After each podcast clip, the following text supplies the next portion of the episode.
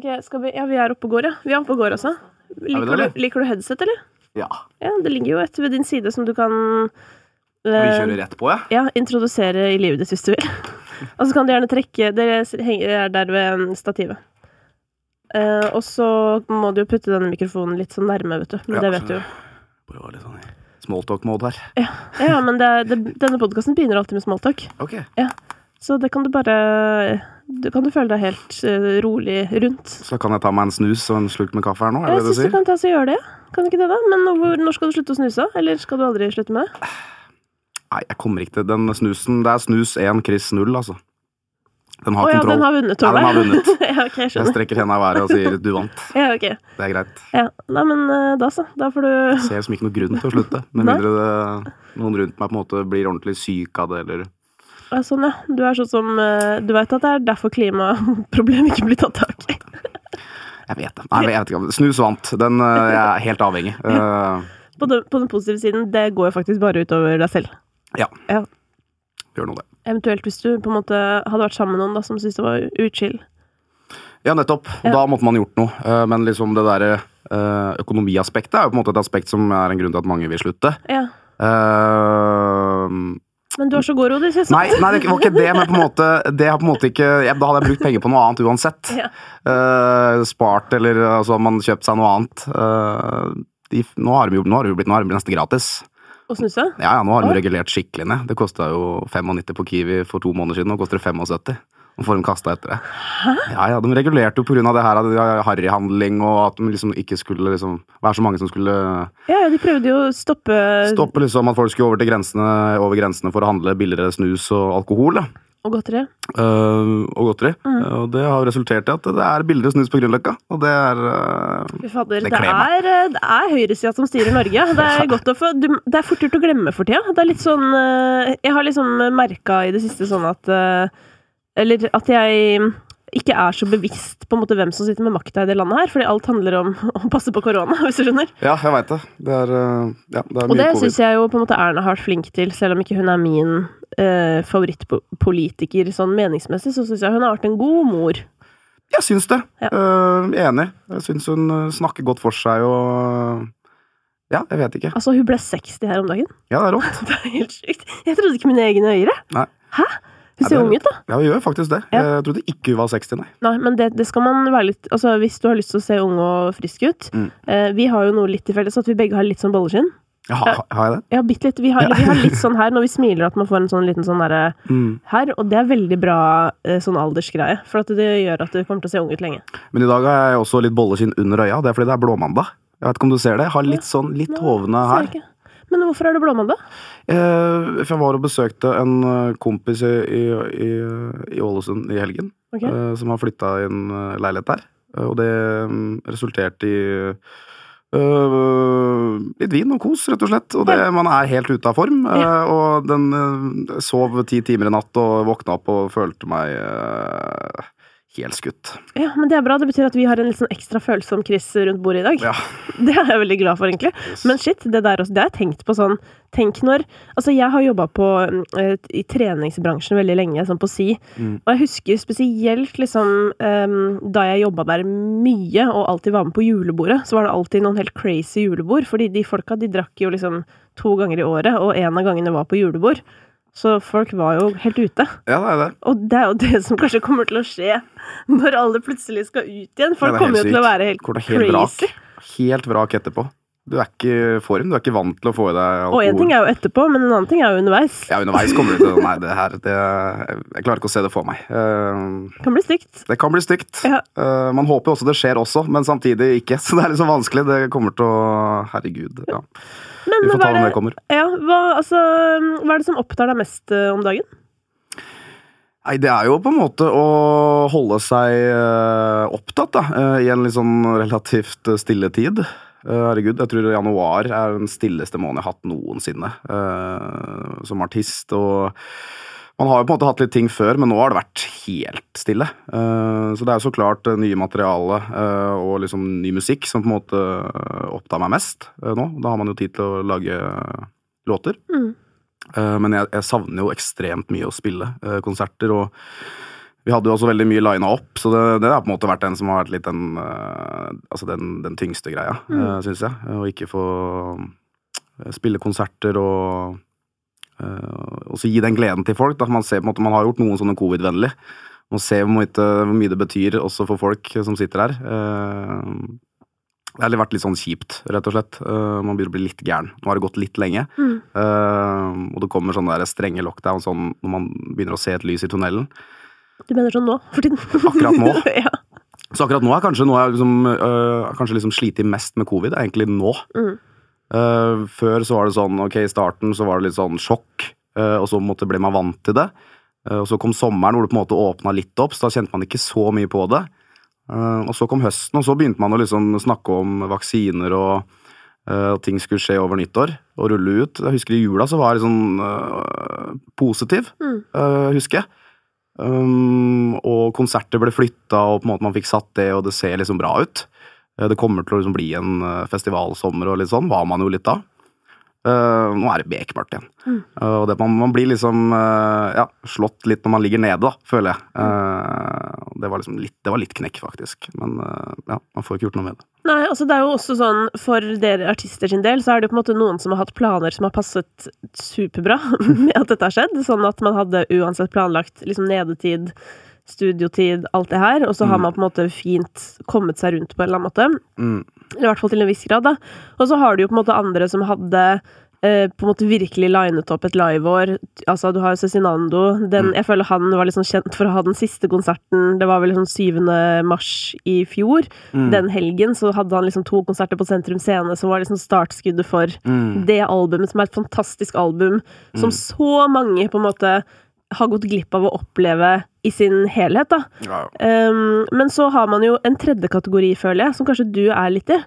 Og det var uh, artister som på en måte nettopp Altså, det hadde skjedd noe i karrieren som gjorde at man egentlig begynte å ta veldig, veldig fart. Og endelig skulle du på en turné mm. hvor du uh, mest sannsynlig skulle spille for liksom fulle, fullsatte lokaler uh, for første gang i karrieren din. Ja, man hadde merka en helt annen etterspørsel, og um, det var på en måte det året hvor man skulle virkelig ut og det på en måte, det folk hadde sett på TV og hørt av opptredener, uh, liksom f.eks. på hver gang vi møtes og sånne ting, mm. um, var Det var på en måte nå de skulle få oppleve det live.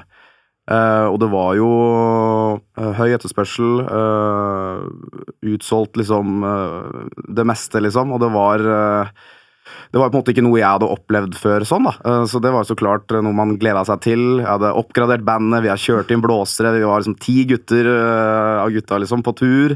Um, og det var Det var på en måte nå man på en måte liksom skulle få liksom etablert, etablert seg litt sånn livemessig, da. Mm. Og så og så kom ikke det. Vi rakk én utsolgt konsert i Molde, den også den helgen som Cezinando spilte, og så var det Ja, så var det jo ferdig. Ja.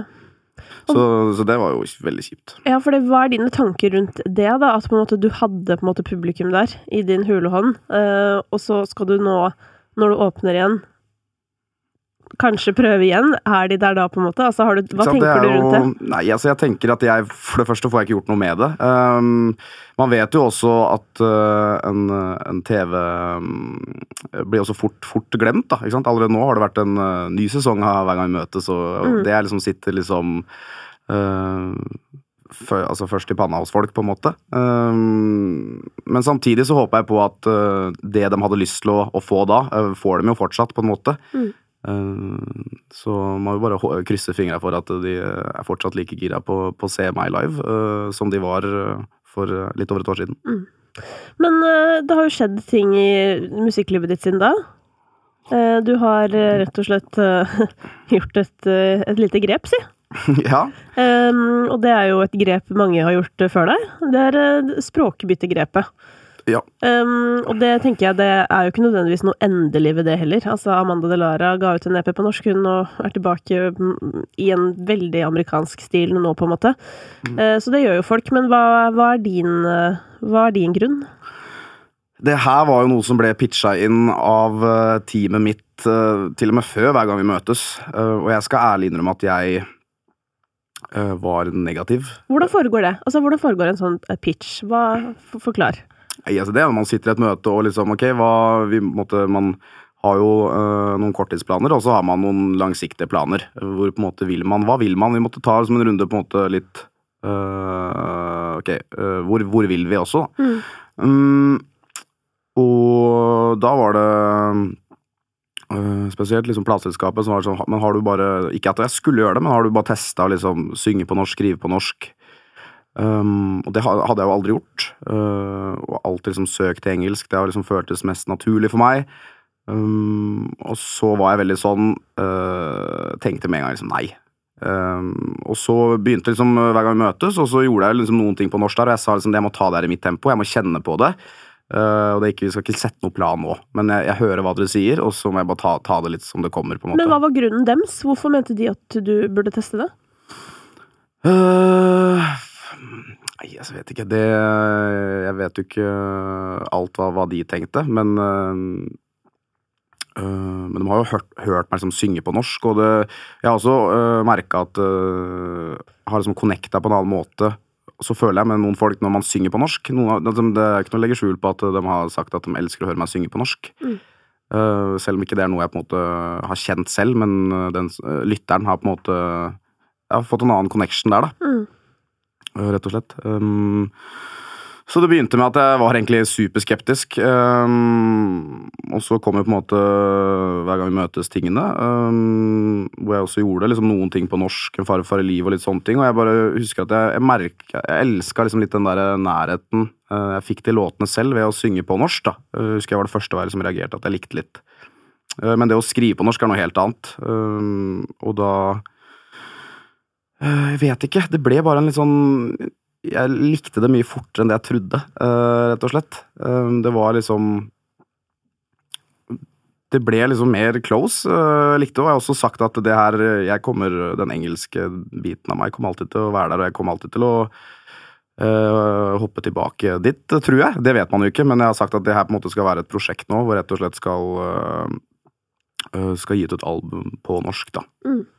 Um, og det er gøy, og det er nytt, og jeg liker å utvikle nye sider ved meg selv. Eh, utforske nye sider ved meg selv. Uh, og så er det også viktig for meg å, å bevare meg selv også. Uh, det også inntrykket det folk har av meg til nå. Det er ikke en helt ny Chris, uh, det er bare at jeg synger på, på norsk og ikke engelsk. Um, og så er det jo Ja. Det var langt svar, eller? No, det, var, altså, det er podkast, du kan bruke så lang tid du vil. Det er det som er flaks. Men når er det den låta Altså, når skal første låta ut? Uh, første låta skal ut uh, eh, 12. mars. Ikke sant. Så når, dette, når podkasten er ute, så er jo låta ute, så folk har hørt den. Ja. Jeg har også hørt den. Mm. Uh, så jeg lurer jo på, altså, hva um, Hva er jeg, er så, jeg er nysgjerrig på om den låta handler om deg. låta handler uten tvil om meg. Ja, og da, med det i mente, fortell hva låta handler om for de som ikke har hørt den. Det her er jo øh, Jeg vil bare si det, da. Det her er den faktisk den aller Og det, det lover jeg. Øh, det er den aller første sessionen jeg hadde øh, hvor jeg skulle lage en norsk demo. Ja. Jeg har lagd kanskje nå sikkert en 14-15 demoer, men det her er den første. Og for meg å skrive på nytt var på norsk var annerledes, så jeg bare følte at ok uh, Jeg følte at kanskje den, den letteste måten var å, å, dykke litt ned i seg selv. da, uh, Finne noen konkrete ting, finne noe som har måtte, vært veldig sentralt i mitt liv, og skrive og snakke om. Uh, det var vel kanskje det som føltes var den beste løsningen når jeg skulle begynne å, å skrive på norsk. Og ikke sette meg inn i masse andre ting, og sånn, bare fortelle noe. Um, og, og, den låta her handler jo det her, Jeg synger til meg selv som, som liten gutt. Um, og ideen bak den låten her begynte egentlig når, når, hver gang vi møtes var, og jeg skulle begynne å dykke ned i, i masse materiale, masse barndomsting.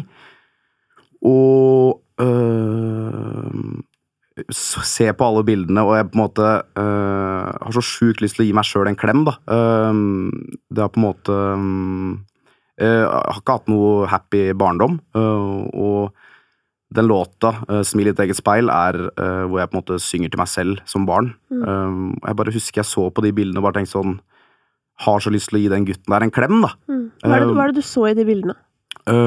Jeg så fasade. Jeg så um, Så en maske som på en måte var fake.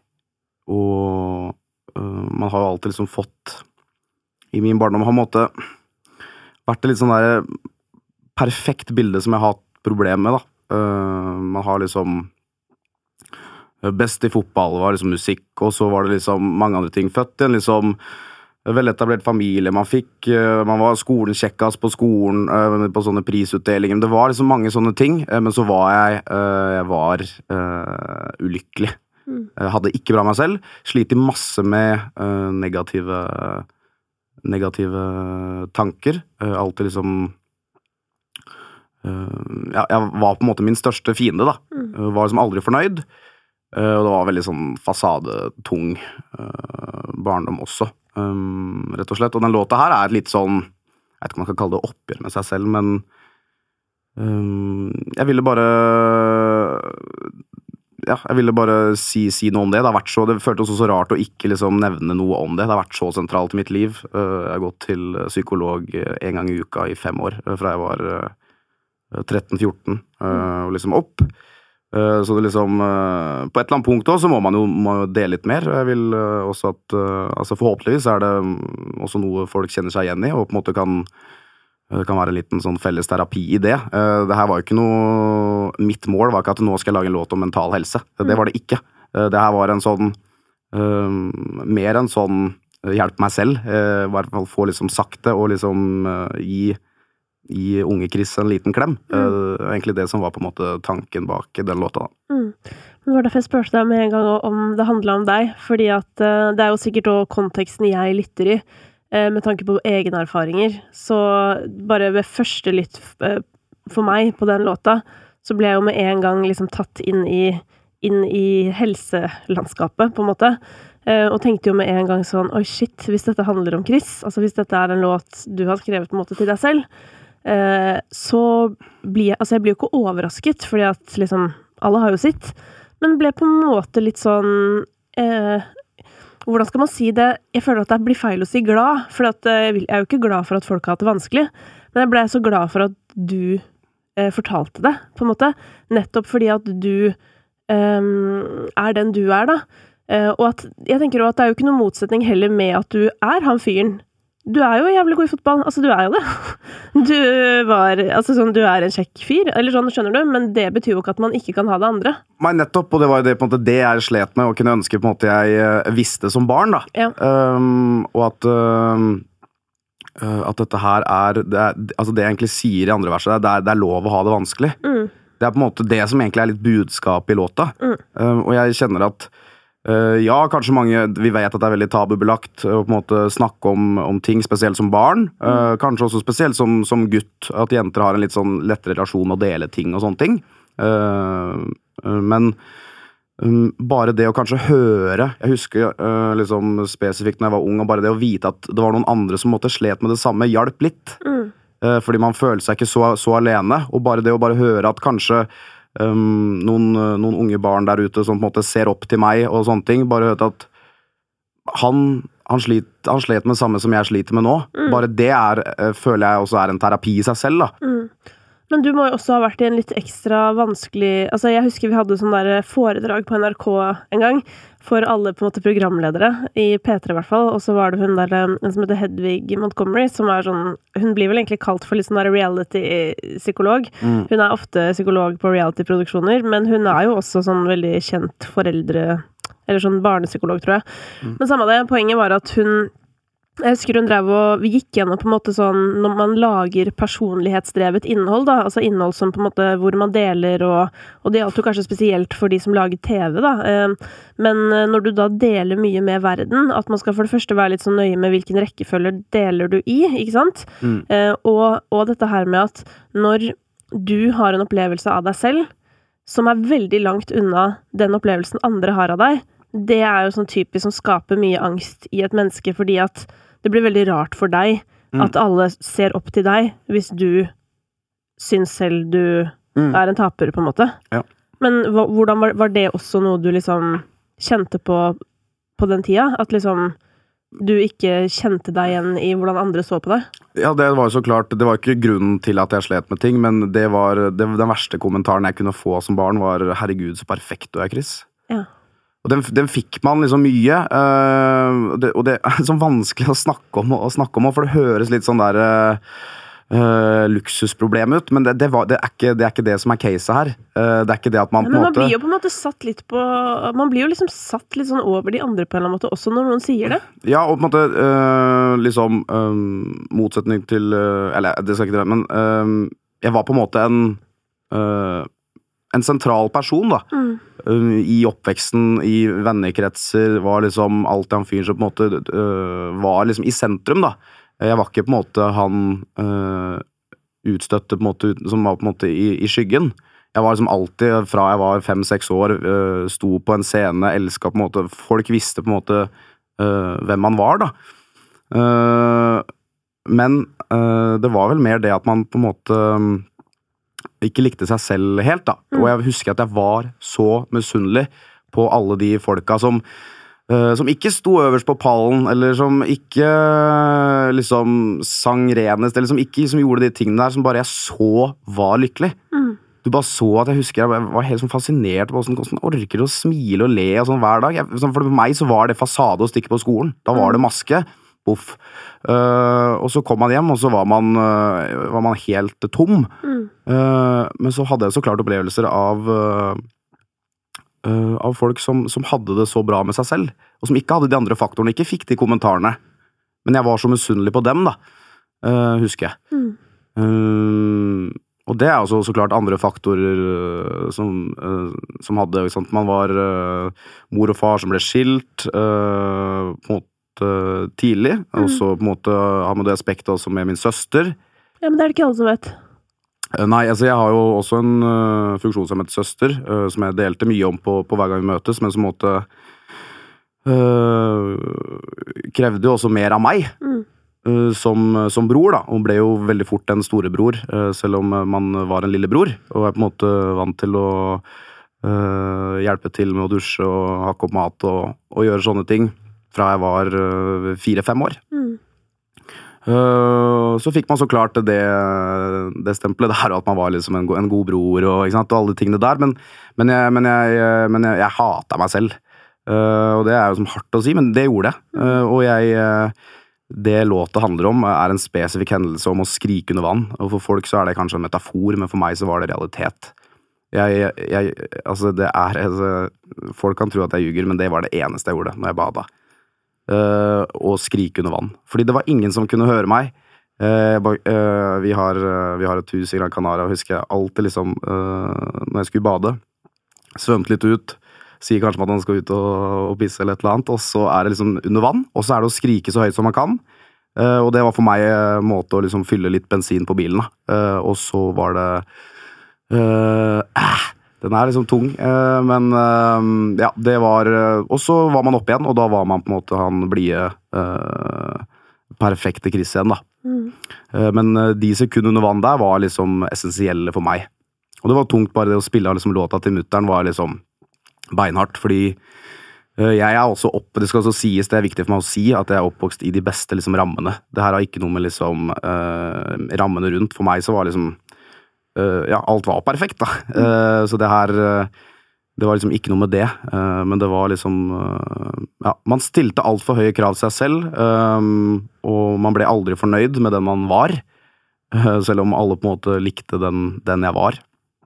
Så det var en vanskelig greie. mm. men det er derfor jeg synger om det å eh, skrike under vann. da. Det var liksom lykken, det var frihet, og det høres brutalt ut, men det, det var fakta. Det var ingen som hørte meg. Og så var det opp igjen. Det, var, det var veldig sterkt å høre. Ja. Ja, det, det, nei, det- Den kjente jeg Den kjente jeg.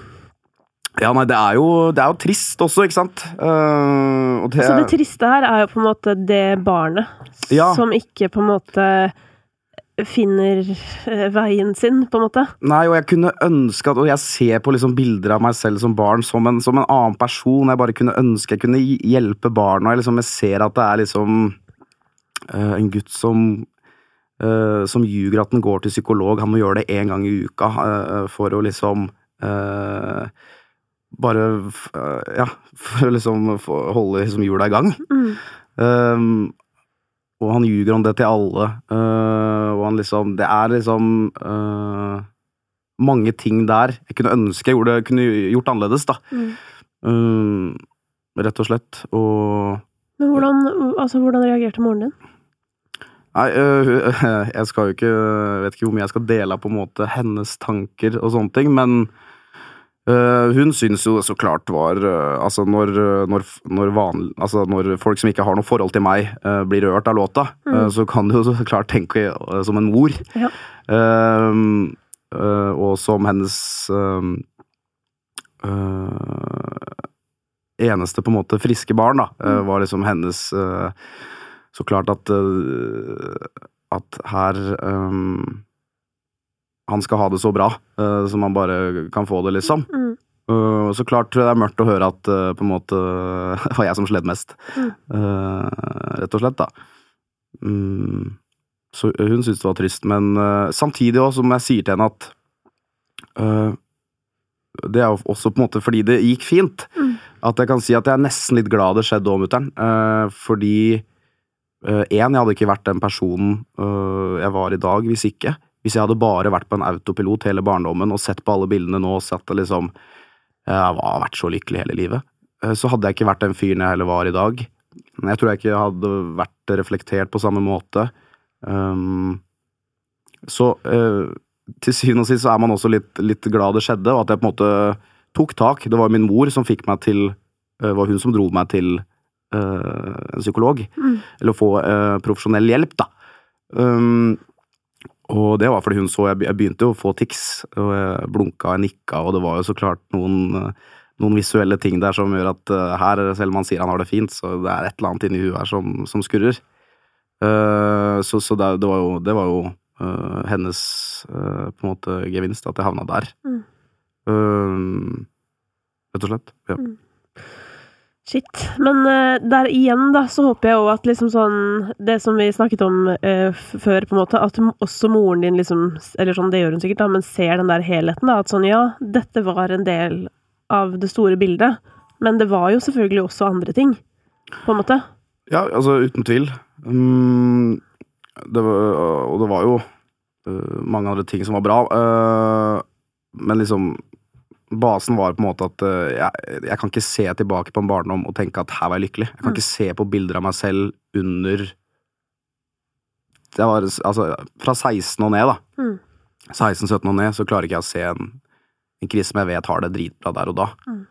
Uh, det er litt synd uh, og trist. Uh, samtidig, i det norske prosjektet her, så var det litt sånn ehm, Nå deler jeg kanskje altfor mye, men jeg følte bare at jeg ikke skulle liksom Jeg ville ikke begynne med en lettbeint låt. Jeg ville ikke begynne med en, eh, en låt om en eh, eks man ikke har kommet over, eller et eller annet lettbeint, noe fint og søtt og, og, og, og mer vanlig approach. Ja. Um, jeg følte at jeg ville øh, ha noe litt mer dybde, da. Ja. Uh, samtidig som jeg også skal opp, øh, og jeg er jo en opptempo-fyr. ja. Det, det kommer til å komme lettbeinte låter her også, Ja. på norsk, men det var Det viktig for hjertelig velkommen til det. Også. Yes. Ja. Men det var viktig for meg å bare begynne med noe som, som, som kom litt dypere. Ja, det er artig at du sier dette nå, for det, det første spørsmålet på Altså, mitt første kritiske spørsmål til deg i dag Mm. eh, henger veldig sammen med dette. Eh, og det uh, spørsmålet Skal vi begynne der, eller? Uh, ja. Er, er du klar? ja.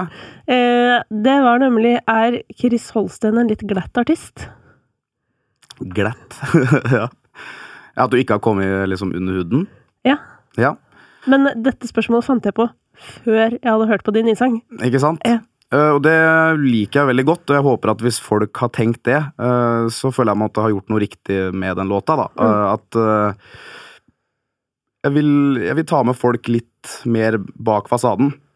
Jeg har aldri snakket om, om det her. eh, og igjen, det her var ikke en låt om mental helse. og på en måte jeg skal, Nå skal jeg ut på norsk, jeg vil hjelpe eh, alle der ute. Det var mer en sånn eh, til meg selv. Mm. En liten sånn terapi til meg selv, egentlig.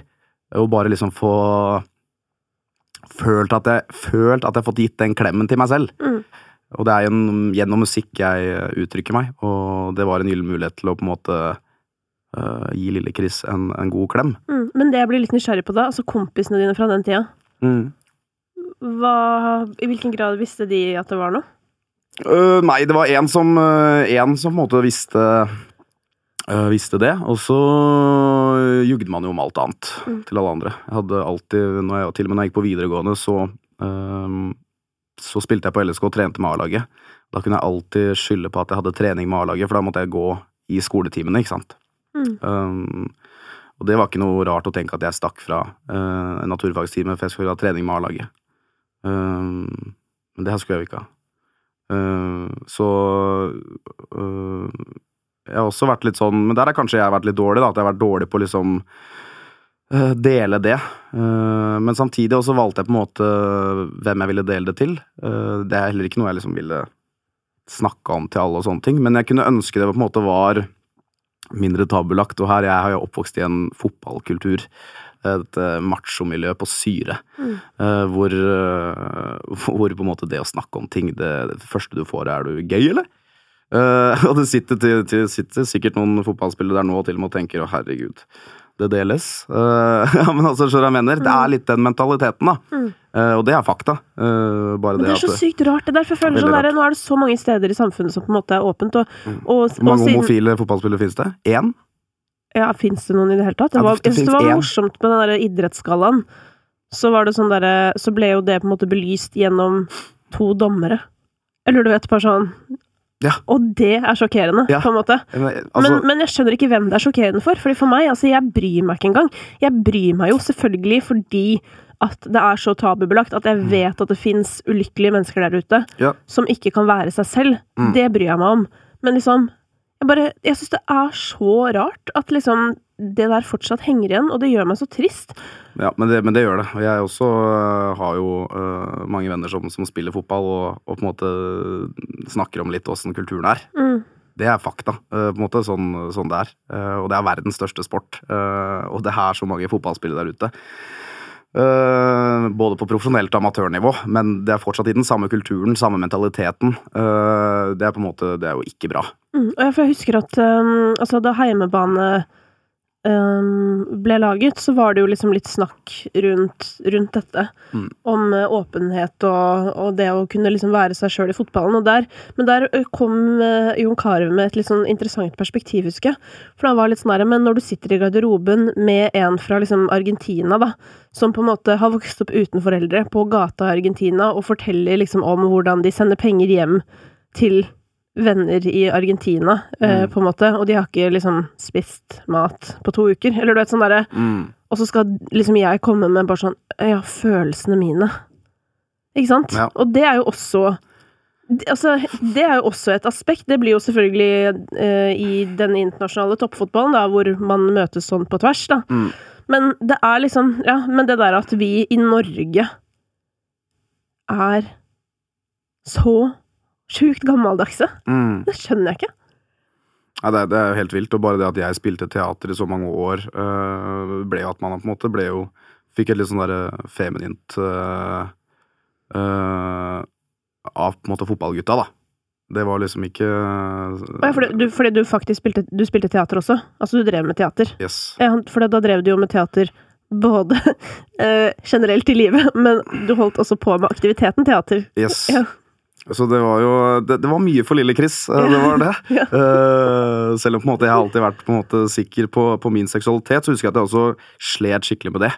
Eh, det er ikke noe Ikke at jeg ikke har noe imot det, men det, det var ikke den jeg er. Det er ikke den jeg eh, er som person å på en måte få sånne kommentarer fordi at man det, det endte med at man på en måte følte skam over kanskje noe man var flink til. Mm. Det er jo det er veldig synd, men det var på en måte et identitetsproblem. Uh, og det er jo kanskje normalt blant uh, unge. Uh, det på en måte den låta her handler om, stikker jo veldig mye dypere enn det, da. Men summa summarum her, så rurte det her opp i gryta. Men jeg det- synes det er så rart, da, fordi man skulle jo tro at liksom, idrett er sånn fristed. Altså, idrett er jo så viktig for så mange mennesker. Mm. Idrett kan jo fylle et på en måte hull inni oss mennesker gjennom fellesskap og, og aktiviteten, og på mange måter så er det jo liksom en oppskrift til bedre mental helse.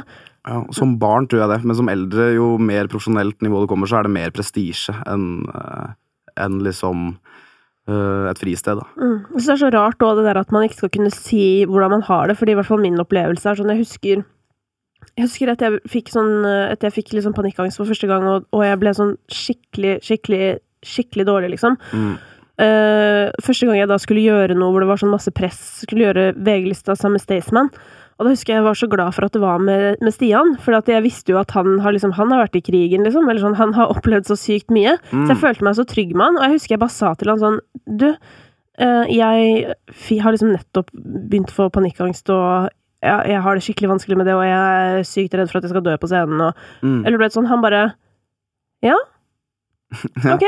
Eller sånn, var, var det noe mer da? Eller var det Ja, da vet jeg det. Tusen takk. Og så hadde jeg sagt det, og så var det borte. Eller Nettopp, skjønner du? Fordi det er terapi i seg selv å bare få delt det, på en måte. Du har sikkert manna deg opp så mye for å si det, bare ikke sant, det. ja, ja, og da tenker jeg jo at også sånn i idretten, da, og det å ikke kunne si hvordan man egentlig har det, at det blir jo bare en ekstra byrde som gjør at du dypest sett kanskje bare presterer dårligere. Derfor syns jeg det er rart at det ikke er et mer Mm. åpent sted, da. Jeg er helt, øh, helt enig. Det er veldig rart, øh, men så, sånn er det nå litt. Og det var på en måte det Ja, det var på en måte litt den kanskje den fyren man også ble, da. At det var veldig fasadetungt, da. Mm. Eh, men samtidig så var jeg Altså, alle sliter jo med sine egne ting, men, men jeg i hvert fall jeg gikk jo bevisst på en måte for å få hjelp. Jeg ville jeg ville ikke dele så mye. Jeg sa nesten ikke helt Jeg sa aldri til moren min eller hva jeg på en måte slet med konkret. Jeg ville ikke det. Eh, Jeg ville på en måte ha en, ekstern, en, ekstern person som ikke var i livet. Mm. Hvor jeg kunne på en måte bare si alt, dele alt. eh, som ikke på en måte var dømmende eller tok stilling til andre ting. Mm. Det var så sykt digg. Jeg bare tenker liksom sånn derre vi, det der ordet profesjonell hjelp er så veldig tabubelagt, da. Eh, men for eksempel, da. Ikke for meg. Nei, men satt, satt på spissen, da. Uh, når man, skal, måte, man går til tannlegen da, uh, hvert år uh, som barn. Det er profesjonell hjelp. De kan på en måte det de driver med. Det er det som definerer profesjonell hjelp. Ja. Man går jo til og med til tannlegen hvis man ikke har hull, bare for å sjekke. Ja. Men det som foregår mellom øra dine, det skal man liksom ikke røre. Og det, det er jo det viktigste du har. Og at på en måte det går an, Du må ikke ha problemer for å oppsøke en sånn uh, altså en psykolog eller en eller annen å prate med. Uh, det handler om også å være litt føre var. Eh, så jeg bare, jeg bare håper at det blir på en måte veldig mye mer godtatt. Uh, og at hvis noen sier at de sliter, så er ikke det heller sånn 'å, shit'. Eh, at det på en måte Det er lettere å prate om. Mm. Um, Ja, for det noen ganger, Jeg syns jo det er så lite sjokkerende at ja, ja, noen men, ganger når folk forteller meg ting, så er jeg litt sånn ja, ja, ja, jeg er ja enig. det, det, sånn er livet på en måte òg. For det, handler jo også litt om å gjøre det mindre sens sensasjonspreget, ikke sant? Nettopp. Eh, Det er ikke noe sensasjon, fordi livet suger innimellom, og det gjør det for de fleste. Og den eneste måten å på en måte gjøre det bedre på, er egentlig at vi at det vet alle, og det går helt fint å si det. Mm. Og tenke på hvordan hadde du reagert hvis noen hadde fortalt det til deg. Mm. Du hadde jo mest sannsynlig bare ville, villet gi den personen en klem. Nettopp. Mm. Og man hørte veldig lite om det, og derfor uh, endte det heller med at man trakk seg på en måte vekk og holdt det for seg selv. Da. Ehm, ok, da skal vi gå videre til neste kritiske spørsmål. Um, og det er uh, hvor mye vil du si at det hjelper karrieren å bli med på reality-TV? Jeg tenker at det er helt uh, individuelt. Mm. um, nå har jeg vært med på altså på Hver gang vi møtes nå, nå sist, da. Eh, I sesong ni. Har du vært med på noe annet? Uh, Stjernekamp. Har du vært med på Stjernekamp?! Ja Ok, ja. men det er jo Det er jo Ja, det, det føler jeg liksom egentlig folk er egentlig 2018. helt glemt. Ja, Fader, det har er helt glemt. Men Ja, ja, nå, og altså, nå kom jeg på at du sang, eh, du sang en Zed-låt. Kom jeg på det? Ja. ja. eh, så, så man har jo man har gjort noen eh, sånne ting, eh, men det er jo også en eh, Føler jeg er Det har, skjedd, det har jo skjedd veldig mye etter det, men det er jo helt individuelt. Jeg følte at øhm, øh, Jeg har på en måte alltid vært en live øh, fyr og en live person. Jeg hadde på en måte ikke Jeg har jo ikke jeg har ikke på en måte vært øh, jeg vet jo at på en måte de, de aller, aller største ikke er med på det. Jeg er fullt klar over det. Men samtidig, for meg så handler det om å vise eh, Jeg følte jeg hadde mer å vise.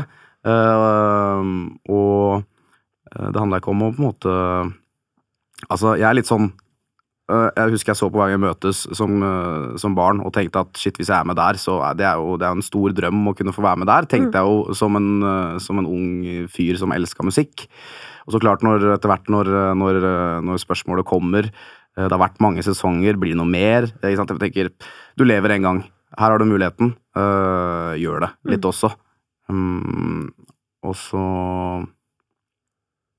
er jo egentlig det det. Så klart, man er jo yngst rundt bordet, og jeg er fullt klar over at uh, man ikke har den katalogen uh, som, uh, som eksempel Odd Nordstoga har, eller Elbilis har, eller Men samtidig så så har det på en måte også blitt et konsept uh, hvor det er seks artister rundt bordet uh, som prater og deler og tolker hverandres musikk uten å på en måte henge det på at hvor mange år i spellemann du har, eller at du må være en legende. da. Uh, jeg tror også det er liksom sunt for, for seerne, at det kommer litt ungt blod inn der også. at det er også et litt annet sound på opptredenene.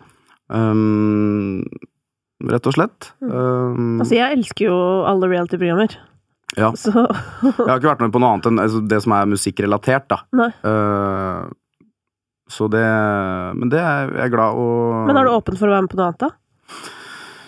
Ja, altså jeg, eh, jeg har jo så klart um, ja, Det er så vanskelig, fordi eh, jeg føler som artist så på en måte takker man jo nei til veldig mange ting. Jeg har jo Mm. takka nei til Man takker jo nei til på en måte ja, Farmen-kjendis eller 71 grader nord og sånne ting som jeg vet at jeg hadde elska 71 grader nord. Hvorfor blir du ikke med da? Jeg vet ikke, jeg må, jeg må spare litt, og jeg kan ikke gjøre alt før jeg er 30. Nei, men altså, plutselig er jo programmene borte, da. jeg vet det. Jeg vet det, Men samtidig så er det jo uh, helt uavhengig på en måte hva det gir, så er jo også denne, disse konseptene også jo, har jo store innspillinger over lang tid. Uh, F.eks. under en festivalsesong, da. Mm. Uh, hvor øh, så klart det er viktigere for meg å spille konserter og, og fly rundt. Og det er også en, bare en grunn til at man, man ikke har tid eller kan. Ja da, det er jo greit nok. Men, men det får meg liksom til å tenke over litt det her med at du, du er jo en veldig allsidig artist. Ehm, og sånn rent kred-messig, er det egentlig en liksom, tenker du, Er det en ulempe å være god til mye? Uh, ja, nei, altså Det uh, Jeg tenker ikke Altså, det er jo ikke en ulempe å være god, god til mye. Uh, men kanskje altså sånn i Det er jo ikke, det er ikke kredibelt å, å, å være med på, på disse programmene, på en måte. Det er det jo Før var det veldig ukredibelt, føler jeg, men jeg opplever jo virkelig at ting har endra seg, da. Altså sånn Hadde på en måte eh, Nå skal jeg gå veldig langt tilbake i tid, så jeg mister alle lytterne. Så la oss eh, For nå skulle jeg tilbake til Luke Star med artisten Truls, mm, som var vokalist i det bandet. Hvis Truls på den tiden hadde blitt med på noe av dette, mm, det hadde vært sånn Å, fy faen, liksom. Snakkes aldri. Mm. Sånn er det ikke lenger. Nei. Sånn er det ikke lenger. Og på en måte eh, Det jeg syns er gøy med, med sånn du beskriver det, da, er sånn der at du har lyst. Du syns det er gøy. Og så er det sånn, skal du ikke gjøre det da Skal du ikke gjøre det du har lyst til fordi at noen kommer til å rynke på nesa? Det Ja, og det er, sånn noen er også veldig få. Det kan være liksom noen øh, i bransjen, til syvende og sist. øh, de som sitter og ser på, øh, liksom, liker det de ser. Og det har alltid vært en drøm for meg å være med på gang vi møtes. Og Mm. hvis jeg da ja, kunne kanskje ha venta venta et år eller to. Uh, på en måte Nå har det også skjedd ting etter jeg var med på Hver gang møtes. Plutselig er jeg nominert til årets uh, låt på Spellemannsprisen. Uh, sånne ting jeg ikke hadde når jeg var, på gården. mm, Uh, men igjen, uh, det er som min mor sier. eh, alt skjer for en grunn. eh, og jeg får ikke, får ikke endra noe på, på fortida, og jeg har alltid hatt en drøm om å være med der. Og hvis man får spørsmålet, så Ja, man lever en gang. Men du Eh, gjorde, gjorde ikke du veldig god figur der, da? Det er jo ikke meg opp Det er ikke jeg som skal dømme det, men jeg føler jo at Men folk syns det var ålreit. Det virker som om folk eh, Folk likte det jeg gjorde. Ja. Eh, og på en måte ble jeg også mer kjent med meg som fyr. Og det har også vært litt sånn derre jeg, jeg har ikke følt at folk virkelig har kjent meg ved å fly rundt på, på VG-lister år etter år og ha den ene låta, og så er det tilbake igjen. Uh, og så er det ut på scenen, tre minutter og tilbake igjen. og uh, One Way Ticket to Mexico uh, reflekterer ikke meg som person. Så, så det handler uh, Hva med Race of Light? Lettbeint tid. En veldig lettbeint tid. Uh, og det er kanskje en konsekvens av å, å bli litt eldre òg. Du er ikke så gammel, da? nei, men jeg er uh, Nei. Er det 27 som er tallet? 27 eh, er tallet. Jeg blir 28 4. mai. Ja, ikke sant. Eh, men min- mentale alder føler jeg noen ganger er liksom 60, ass. Jeg føler meg så gammel. Oi, jeg har motsatt. Jeg. Min mentale alder har aldri gått et steg forbi 23. Oh, ja. Ja, nei, jeg føler jeg sånn der eh, Men du Jeg sånn er ikke med på på. TikTok eller ikke. Der føler jeg sånn Det føler jeg eh, vet ikke. Eh, nei, man eh, Nei, bare du får litt kaffe og napoleonskake, du, så er du happy. Da er jeg happy. Men øh, øh, dette, det har vært ganske mye sånn snakk i det siste om, øh, om dette med å få vise frem musikken sin på TV. Uh, og der har det jo faktisk vært litt kritikk da, mot alle mulige sånn coverprogrammer. ikke sant? Fordi at den eneste måten man kan få komme på TV og vise musikken sin, er ved å spille andre sin musikk. Uh, hvilke tanker har du gjort deg rundt det? Um, ja, jeg vet ikke. Det er, det er mange Altså, alle har jo sine meninger, og så klart er det kritikk eh, rundt uh, det meste. Uh, jeg har ikke Jeg har valgt å ikke fokusere på noe kritikk, eller hva folk uh, Jeg tenker Jeg må tenke på meg, og jeg tenker at det det gir meg mye, og når jeg er gammel, så kan jeg se tilbake på, på det, og det ga meg mye da, og det, det holder for meg.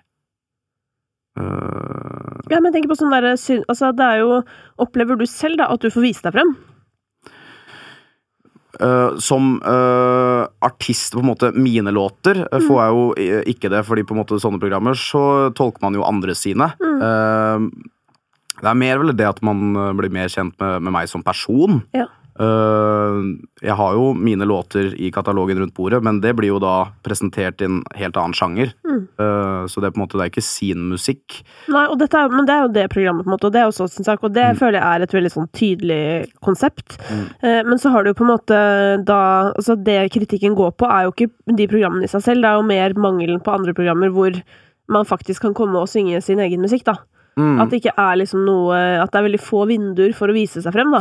Ja, det er jo liksom Grand Prix. Det er liksom det eneste konseptet hvor du kan faktisk kan ta med din egen egen låt. Så er vel, og så er det Lindmo og Senkveld, da. Ja, og så klart du har jo øh, Det har du jo. Så hvis du har flaks, så kan du synge din egen sang på sånn julekvelden også, på en måte. Jo, nei, det, det er sant. Men da må man på en måte Man må jo øh, være også et visst sted for å måtte få muligheten til å gjeste Lindmo eller gjeste Senkveld. Man må, må ha noen knagger øh, å henge på, på en måte også for å komme inn dit. Ja. Um, så øh, helt enig at Norge trenger også et program hvor man øh, hvor for eksempel de som ikke får gjeste Lindmo eller Senkveld, øh, får en plattform å kunne vise sin egen musikk uten Mm. å måtte det covres andres øh, nødvendigvis. Ja, jeg syns det, det er en morsom debatt, da, selvfølgelig fordi jeg holder på med dette selv. Ja. Eh, men jeg syns så på en måte til alle som kritiserer, så er jeg litt sånn Ja, hva vil dere ha, da? Eller sånn, hva, hva er det dere savner, på en måte? Fordi at eh, eh, på den tiden folk hadde det tilbudet som eksempel Lydverket var, da, Mm. så var det jo ingen som så på det. Så, så de må nesten fortelle hva er det dere savner? Eh, og på en måte så får jo vi andre liksom finne ut hvordan man skal løse det, da. Mm. Men derfor så føler jeg noen ganger at det er en litt konstruert debatt på et eller annet nivå. Fordi det er sånn eh, Tiden har jo vist at, at folk ikke ser på det. Og selvfølgelig, kanskje man skulle prøvd det igjen, da. Eh, og selvfølgelig er ideen også god nok, så har jo jeg troa på at folk vil se på det. Mm. Men den ideen må være ekstremt god Mm. for at mennesker skal være interessert i artister de ikke kjenner, og musikken de aldri har hørt før, med tanke på hva som skjer med liksom, oppmerksomhetsspennet til folk om dagen, som jo er minimalt, liksom. Ja, og så føler jeg også folk er litt sånn redd nye konsepter. Ehm, og Ja, altså Jeg vet jo det i kraft av at jeg har jobba med nye konsepter. Det vil Mm. jo ikke alltid artistene heller være med på. Og da har du jo på en måte det, den utfordringen igjen, da. Ja, jeg tenkte på seerne, da. Uh, ja, at liksom. Ola Nordmann der ute er redd for nye konsepter. Ja. Uh, oi, her er det ikke den lovveggen lenger jeg er vant til å se hver lørdag klokka åtte, eller om det er Beat for beat, eller hva det, liksom, det Man er, blir jo også litt sånn vanemennesker, på en Mm. måte. Og at man er litt redd for å Men der må jo føle jeg også da bransjen bør ja, bare stå i det og skape disse konseptene, og plutselig så klaffer det, og så er det kjempefint. Ja, men det er nettopp det, da. Så? Det er jo en runddans mellom publikum, Yep. oss som lager ting, og dere artister. Yes. Og vi må jobbe på en måte sammen. Hvis ikke så blir det ikke. Nei. På en måte. Men helt, helt enig. Uh, og det, det konseptet fins jo ikke ennå, så der er det jo Nei, da blir det Maskorama, liksom. Så nå Ja. er det sånn, hvis dere syns det er det gøye, da fortsetter vi med det. Hvis ikke, så må dere huske å se på også de andre tingene. nettopp. Ja. Um, dette med uh, altså musikkbransjen. um, hvordan opplever du å ha den som arbeidsplass? Jeg, eh, altså, jeg eh, elsker jo musikk, og jeg eh, føler meg veldig privilegert som kan stå opp hver morgen og på en måte ha det som jobb. Og jeg Jeg er nok ikke en fyr som Jeg har jo så klart mine meninger, men jeg kommer alltid til å være en fyr som er litt sånn Ikke skal Jeg sitter litt stille i båten på en måte når, hvis det brenner, da. Uh, liksom er litt mer sånn sjenert der. Um, det er jo uh, jeg føler, Men det er jo på en måte en uh, Må passe på litt hva man sier òg, vet du. Men hva er det? Jeg skjønner ikke. Hva er det som eh, kan gå så galt? Eller hva er det du Nei, men jeg er, ikke, jeg er jo ikke her for å, for å kritisere. uh, eller Nei, men altså, det er jo lov å si altså, sånn derre Altså, jeg har mange ting i min bransje jeg gjerne kunne hatt en endring på. Det, det betyr jo ikke at jeg liksom klager eller noe. Det er jo bare at man Nei. vil jo på en måte pushe ting fremover. Nettopp. Uh, kanskje det på en måte jeg syns har på en måte vært litt uh, Si slitsomt, da. Det er kanskje det derre jaget om å hele tida være liksom aktuell, og den aktualiteten. Uh, på en måte fordi man er ikke på et nivå hvor, man kan, hvor det kan gå tre år. Uh, og du kan bare jobbe på et eller annet album, og så uh, er du på samme sted når du er tilbake igjen. Øh, og en, øh, og en hit nå, den varer en periode, og så hvis du ikke har en ny en øh, om en kort tid, så øhm, så, er, så det glemt, Mm. føler jeg litt, da. Men det er jo noe litt sånn som det er. om der må jeg faktisk rette litt på deg, Chris. fordi at nå er jo du faktisk i en ganske heldig situasjon for din egen del eh, nå det siste de siste månedene, hvor du og Frida faktisk har gjort en cover som har holdt koken ja, ekstremt lenge. Eh, Så der har du jo på en måte fått til Jeg forstår deg veldig Jo, godt eh, Nå snakker jeg bare når den Altså. er da over, da, for eksempel. Hvis den er ute, da. Ja. Øh, så Så må man på en måte komme med noe nytt. Og på en måte holde seg da aktuell. Ja. Men samtidig så føler jeg um, ja, eller må man det? Jeg vet ikke. Uh, jeg vet ikke. Jeg For har det syns jeg er så vanskelig. For at du veit sånn som Nå har Sondre Justad vært borte lenge. Mm, Ikke sant? Og så eh, Selvfølgelig, det eneste liksom eh, han kanskje utsetter seg selv litt for nå, da, det er jo det der å være borte lenge, og så skal han nå komme ut med noe. mm. Og hvis folk ikke bryr seg da, så er det jo litt kjipt at man er borte lenge, på en måte. Men samtidig så føler jeg jo at du på en eller annen måte gir deg selv en litt større sjanse for en boost, da, ved at folk har savna deg. Det er en balansegang mellom å øh, holde seg aktuell og skape momentum, Ja. som jeg føler er litt sånn øh, øh, Nå har på en måte Sondre har jo på en måte et stort livepublikum, og jeg føler han har veldig øh, trofaste fans, da. Uh, så jeg tenker at at, at det går fint. helt uavhengig av åssen låta eventuelt blir mottatt. Men jeg vet liksom ikke. Uh, men jeg føler også bransjen er litt sånn mer sånn åpen nå for øh, Det er ikke det hitmaset, føler jeg. Um, og det er digg. Uh, at alt skal være så veldig hittete, uh, var jo på en måte noe, noe man syntes var litt slitsomt, og på en måte også som krasja litt kanskje mot din Ja, musikeren i deg, da. Ja. Um, nå ser man også på topplistene, det er jo uh, alt mulig rart. Du kan jo ikke forutse det nå. Det er jo det som Nei. er hele greia. er at sånn, altså Se på Spotify Top 50 nå, Ja, det er helt og prøv å gå i studio og lage en hit. Det er sånn, da, Det er lettere å bare drite 100% i det, fordi det er, det er ingen rød tråd, liksom. nei, og det tenker jeg i hvert fall er bra. Det liker jeg. Mm. Uh, Det er ikke sånn at uh, du hører liksom nummer én, og så tenker du ja, så klart, det, du hører at det er en hit. Det er sånn Plutselig er det driver license, eller så er det noen andre ting som du kanskje ikke Hvis du hadde hørt den øh, som en pitch, hadde du ikke tenkt at det der er nummer én-hit. Så det er den uforutsigbarheten jeg tenker er litt sunn, da. Mm. Det gir litt plass for at folk kan gjøre det de faktisk vil, og så Ja, fordi kanskje det er det som skal til for at man gir opp og på en måte jager noe man ikke er, da. Og det tenker jeg liksom som, eh, som lytter, på en måte, og som litt mer aktiv lytter enn gjennomsnittet, på en måte, så, så føler jeg det er så lett å høre når noen prøver på noe, hvis du skjønner. Og det er òg noen ganger litt sånn trist, på en eller annen måte, for det er litt sånn Uff, det her um, Og i hvert fall liksom når jeg følger artister så tett, mm. og etter hvert som du lærer mer og mer om artisten, så, så liksom er det òg lett å høre når det er noe som er litt sånn dissonans um, mellom ja, artisten og uttrykket, da. Det handler jo også litt om eh, Nå handler jo ikke eh, livet til en artist eh, for alle om å være på topp 50 heller, på en måte. Det avhenger av åssen publikum du har. Eh, vi alle vet jo at majoriteten av kanskje Spotify er jo på en måte mer TikTok-publikum eller eh, yngre, da. Um, så det er også liksom hvem man vil, vil snakke til, Mm. rett og slett. Men sånn som altså med navne... Nei, gud, navnebytte, sier jeg. Altså med språkskiftet ditt. Em, er det Altså, i hvilken grad er det strategisk uh, versus å komme liksom innenfra som et ønske fra deg? Jeg føler at det En av på en måte um, effektene av eksempel på Hver gang vi møtes, var på en måte at jeg fikk et mer eldre publikum. Mm. Uh, og det, det merka at jeg likte veldig godt. Uh, man har på en måte vært litt han derre ja, uh, glatt, uh, glatte artisten som, uh, som har gjort liksom VG-lister og de tinga der, og man gjorde konserter, men det var liksom Folk ville heller kanskje ha den selfien enn å faktisk sette pris på låta, da. Og det fins så klart begge deler, men jeg føler jeg på en måte snakker til folk som er litt eldre enn hva jeg gjorde for noen år tilbake, da. Og det liker jeg. Men eh, ja, for det også er jo eh, Apropos det, holdt jeg på å si.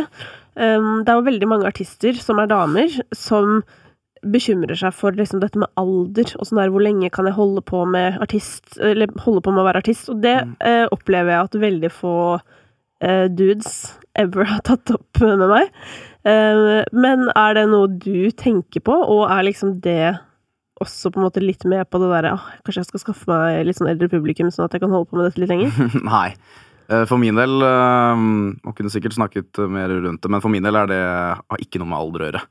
Um, og jeg eh, er takknemlig for de, de dagene og det livet jeg har, eh, og så lenge det varer. Og når det ikke eventuelt ikke er der lenger, så tar jeg stilling til det da. Mm. Jeg føler at jeg har en litt sånn Litt på grunn av den eh, også historien som vi har snakket mye om Mm. at jeg har en litt mer sånn leve i nuet-mentalitet. Um, som jeg føler at folk uh, burde også vært flinkere til å ha. Mm. Ikke tenk så mye. Uh, eneste du skal være opptatt av, er å være lykkelig i dag. Uh, plutselig er det ikke noe i morgen. Altså, du vet ikke lenger. Du, det, uh, ikke at man skal liksom snakke om døden, man vet jo at plutselig skjer det ting. Eller bare så lenge du er lykkelig i dag, og lykkelig med det du driver med, så så tenker jeg det er liksom veldig sånn konkret mål som er liksom enkelt å jobbe mot, da. Som Mm. er sunt, tror jeg. Mm. Ikke planlegge så mye, eller skal ha for mange drømmer du da, som eventuelt da blir nedtur hvis ikke det skjer, og bare ha det fint med deg selv, Mm. øh, tenker jeg. Og apropos det, øh, jeg føler at artister, altså dere, for å ta alle under én kam, eller hva det heter, Oi. så øh, er det, det er mye tankevirksomhet. Det er mye som tenkes på, og hva er det dere artister tenker litt for mye på, tror du? Uh, tenker nok litt for mye på hva andre syns, og hva andre mener. Øhm, man får jo helt jeg, jeg kan ærlig innrømme at den låten, øh, som nå da folk øh, forhåpentligvis har hørt, som jeg ikke har sluppet ennå nå, for den her spilles i noen dager før Ja. det blir publisert, Ja. er skikkelig redd og nervøs på å på en måte gi noe så personlig, noe som er så Jeg tenker veldig mye på liker andre det? Mm. Eh, Jeg kunne ønske jeg hadde litt mer sånn Lik det eller ikke like. Det her er eh, viktig for meg å si noe om. Mm. Um, Men er det ikke sånn du egentlig har det sånn dypest sett? Jo så det reflekterer nok litt av det. Um, og på en måte litt av den, den lille gutten som var ulykkelig, han, den er jo inn- inni her fortsatt, et eller annet sted. Mm.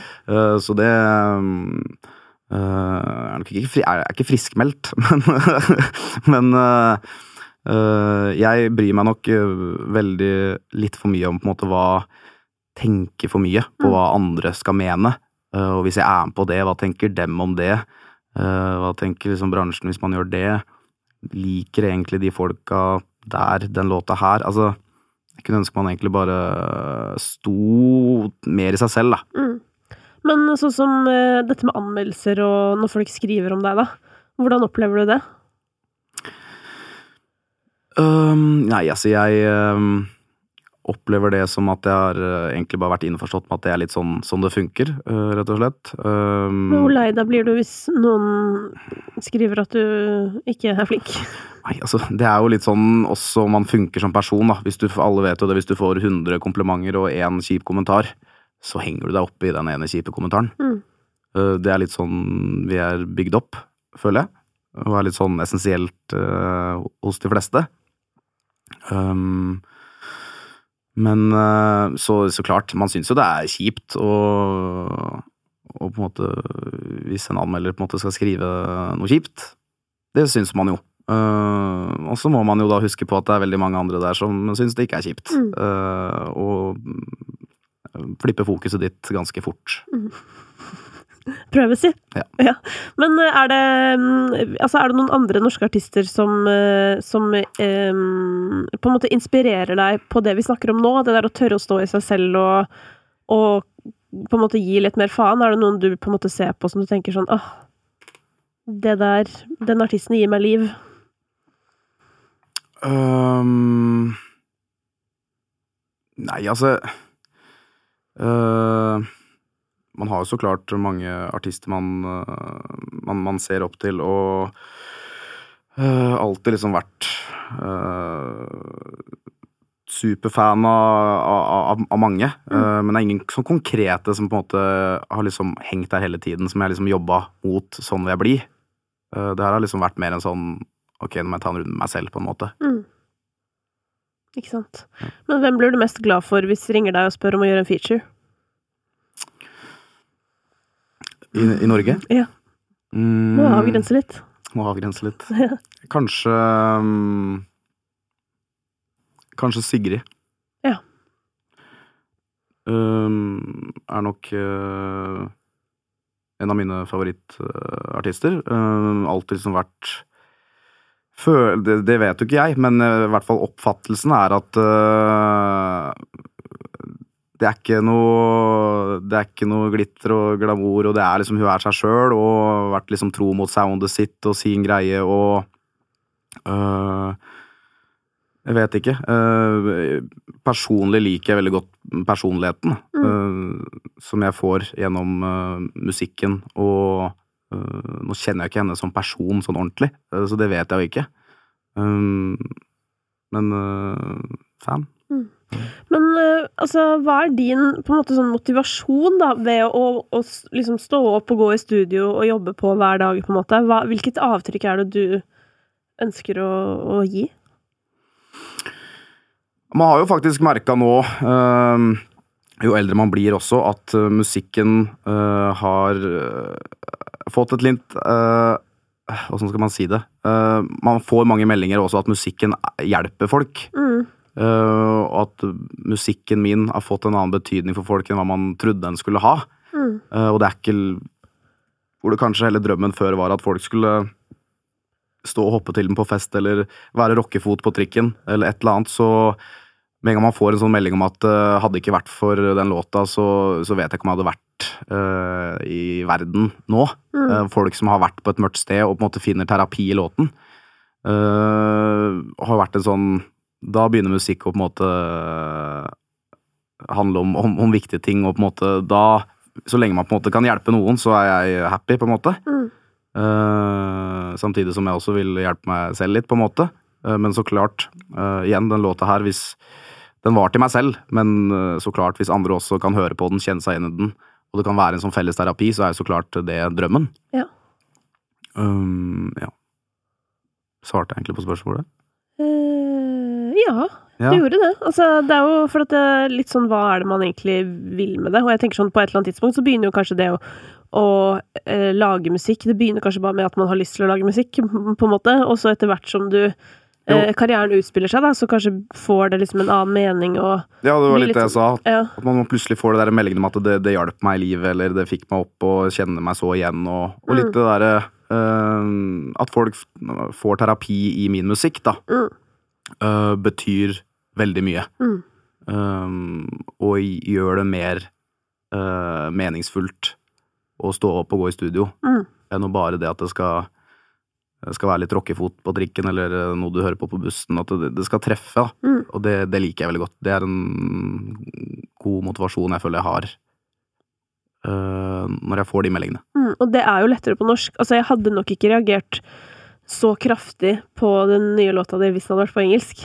Men det er nok òg fordi da hadde jeg ikke først og fremst Da tror jeg ikke jeg hadde vært så kjapp med å tenke at det handlet om deg heller.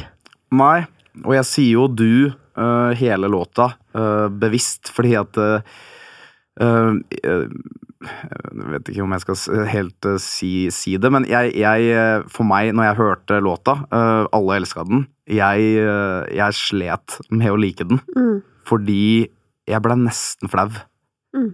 Eh, og det er på en måte min historie, og på en måte uh, Jeg ser du kunne hatt litt bedre. Man blir nesten litt sånn flau av å, å høre, høre den også, fordi det er uh, så nærme. Men altså, helt ærlig, da, da jeg hørte så tenkte jeg sånn Fy faen, hvis jeg skal møte han og han skal fortelle sånn Ja, nei, jeg har en kompis, og han hadde det skikkelig vanskelig og sånn, så tenkte, da tenkte jeg sånn Åh, da, da blir jeg på en måte skuffa òg. Eller skjønner du? For det var liksom sånn men, men, jeg, men jeg tenkte også at Men det kan det ikke være. Fordi jeg tror ikke at det hadde føltes så nært hvis det ikke var deg. Mm. Det er nettopp det. Det er liksom noe Og det her er det jeg prøver å si så ofte, for det er så mange som spør meg sånn derre Ja, hva er favorittsangen din for tiden? Eller hvem er favorittartisten din? Og hva skal til for at du liker musikk? Og bla, bla, bla. Så er det sånn Jeg syns det er vanskelig å forklare det, men eh, en ting som jeg er liksom veldig sånn Som er kanskje det tydeligste svaret jeg kan gi på hva jeg liker, det er hvis jeg hører Altså, selvfølgelig er jeg jo en sucker for hits, bare så det også er sagt. da. Jeg elsker jo Joel Corey sine oppskriftsmessige danselåter, jeg, liksom. Mm. Men Som han ikke har lagd selv engang, på en måte. Eller du vet. mm, Det er ikke det, men sånn, sånn utenom det man hører på for LOL, da, eller fordi det er en eller annen greie, Mm. så er det at jeg har behov for å høre at det som er i øra mine, måtte komme ut fra den artisten, eller jeg har behov for å føle at det er autentisk på en eller annen måte. da. Der føler jeg at jeg som artist kanskje undervurderte eh, lytterne eh, for noen år tilbake. Uh, fordi um, mange er jo sånn Noen hører ikke på tekst. Noen vil bare ha total opp... Jeg føler at også, jeg har så mange venner som er litt sånn Aldri hørt på en av tekstene dine, egentlig. Eh, det, er mer totalopplevelsen som på en måte skal, skal være god, da. Mm. Og at kanskje ikke liksom Men jeg har bare funnet ut av det der at uh, det be Folk merker om du synger fra hjertet eller ikke. Mm. Og det høres litt sånn der eh, alternativt ut å si, men jeg, jeg har den uh, tanken at uh, de hører om jeg synger noe og jeg mener det, eller synger noe og ikke mener det. Mm. Um, rett og slett. Ja, men det gjør man jo, og det er jo det som er hele greia. at sånn, Du kunne jo fortsatt å på en måte være ditt gamle jeg og One Way Ticket to Mexico og sånn. Og, ja, men Det hadde jo funka, på en måte, det også. Men spørsmålet er jo da Hadde folk blitt liksom glad i deg da? På ekte? Fordi at vi, slapp, vi slipper jo ikke inn. Mm -mm. På en måte, Det er bare noe greier. Og det er underholdning. Mm. Ikke sant? Og det blir jo litt sånn sånn derre og Det blir som å lage da et underholdningsprogram også som ikke har noe annet i seg. Det er bare kos og gøy. Og, og mange liker jo det. Mm. Men for eksempel jeg liker ikke det så godt. For at jeg trenger noe mer. Og det handler jo kanskje også om at sånn etter hvert som man selv opplever livet, ikke sant, Mm. eh, så er det veldig rart å høre fra folk som ikke har opplevd det. Eller skjønner du? Sånn der, hvor man har tatt bort alt av sårbarhet. Sånn derre Det er ikke en dimensjon. Mm. Så blir det så rart når du selv sitter der og, og kjenner på virkelig hele spekteret av følelseslivet ditt. Ja. Men så høres det ut som eh, musikken du hører på, bare sånn Å, han har aldri opplevd noe før, eller nei, nei, nei. og, og helt ærlig, liksom, så er det sånn Jeg vet jo at du har opplevd noe før, fordi jeg har jo på en måte hørt deg på Ida med hjertet i hånden nå, eller sånn. Jeg vet ikke. Jeg har jo fått en slags følelse av at, altså, at du ikke er en glatt fyr. Eh, Så spørsmålet mitt var jo absolutt satt på spissen tidligere, bare så det er sagt. Mm. Um, men jeg har liksom savna litt dette fra deg, og på en måte venta litt på det.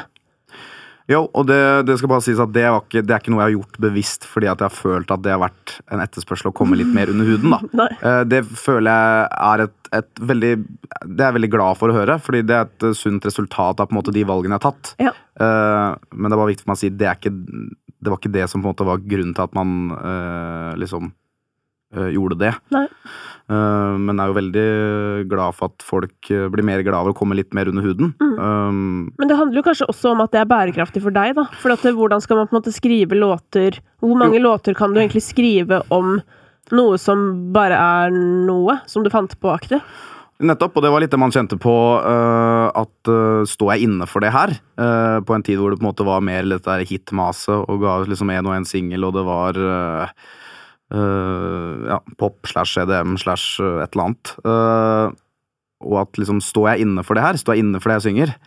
Og det har jeg merka jo eldre jeg blir, at er viktig for meg. At jeg også mener det selv, helt Ja. uavhengig av hva, hva lytterne tenker og hva de føler. Så er det jo jeg som er artisten, og jeg må mene det jeg synger. Og ja. øh, liker jo det mye mer enn å synge en lettbeint låt som handler om ingenting, på en måte. Men hvilken låt er din beste låt, Chris? Ja. Øh, det var det, da. Beste som Det er jo vanskelig å kategorisere som hva Min dypeste, min Den med mest tall, den med Altså, det er jo Nei, hvilken liker du best selv? Hvem jeg liker best selv? Ja. Um, jeg skal nok eh, ærlig innrømme at uh, denne her eh, jeg slapp nå, eh, er, no, er det et eller annet spesielt med.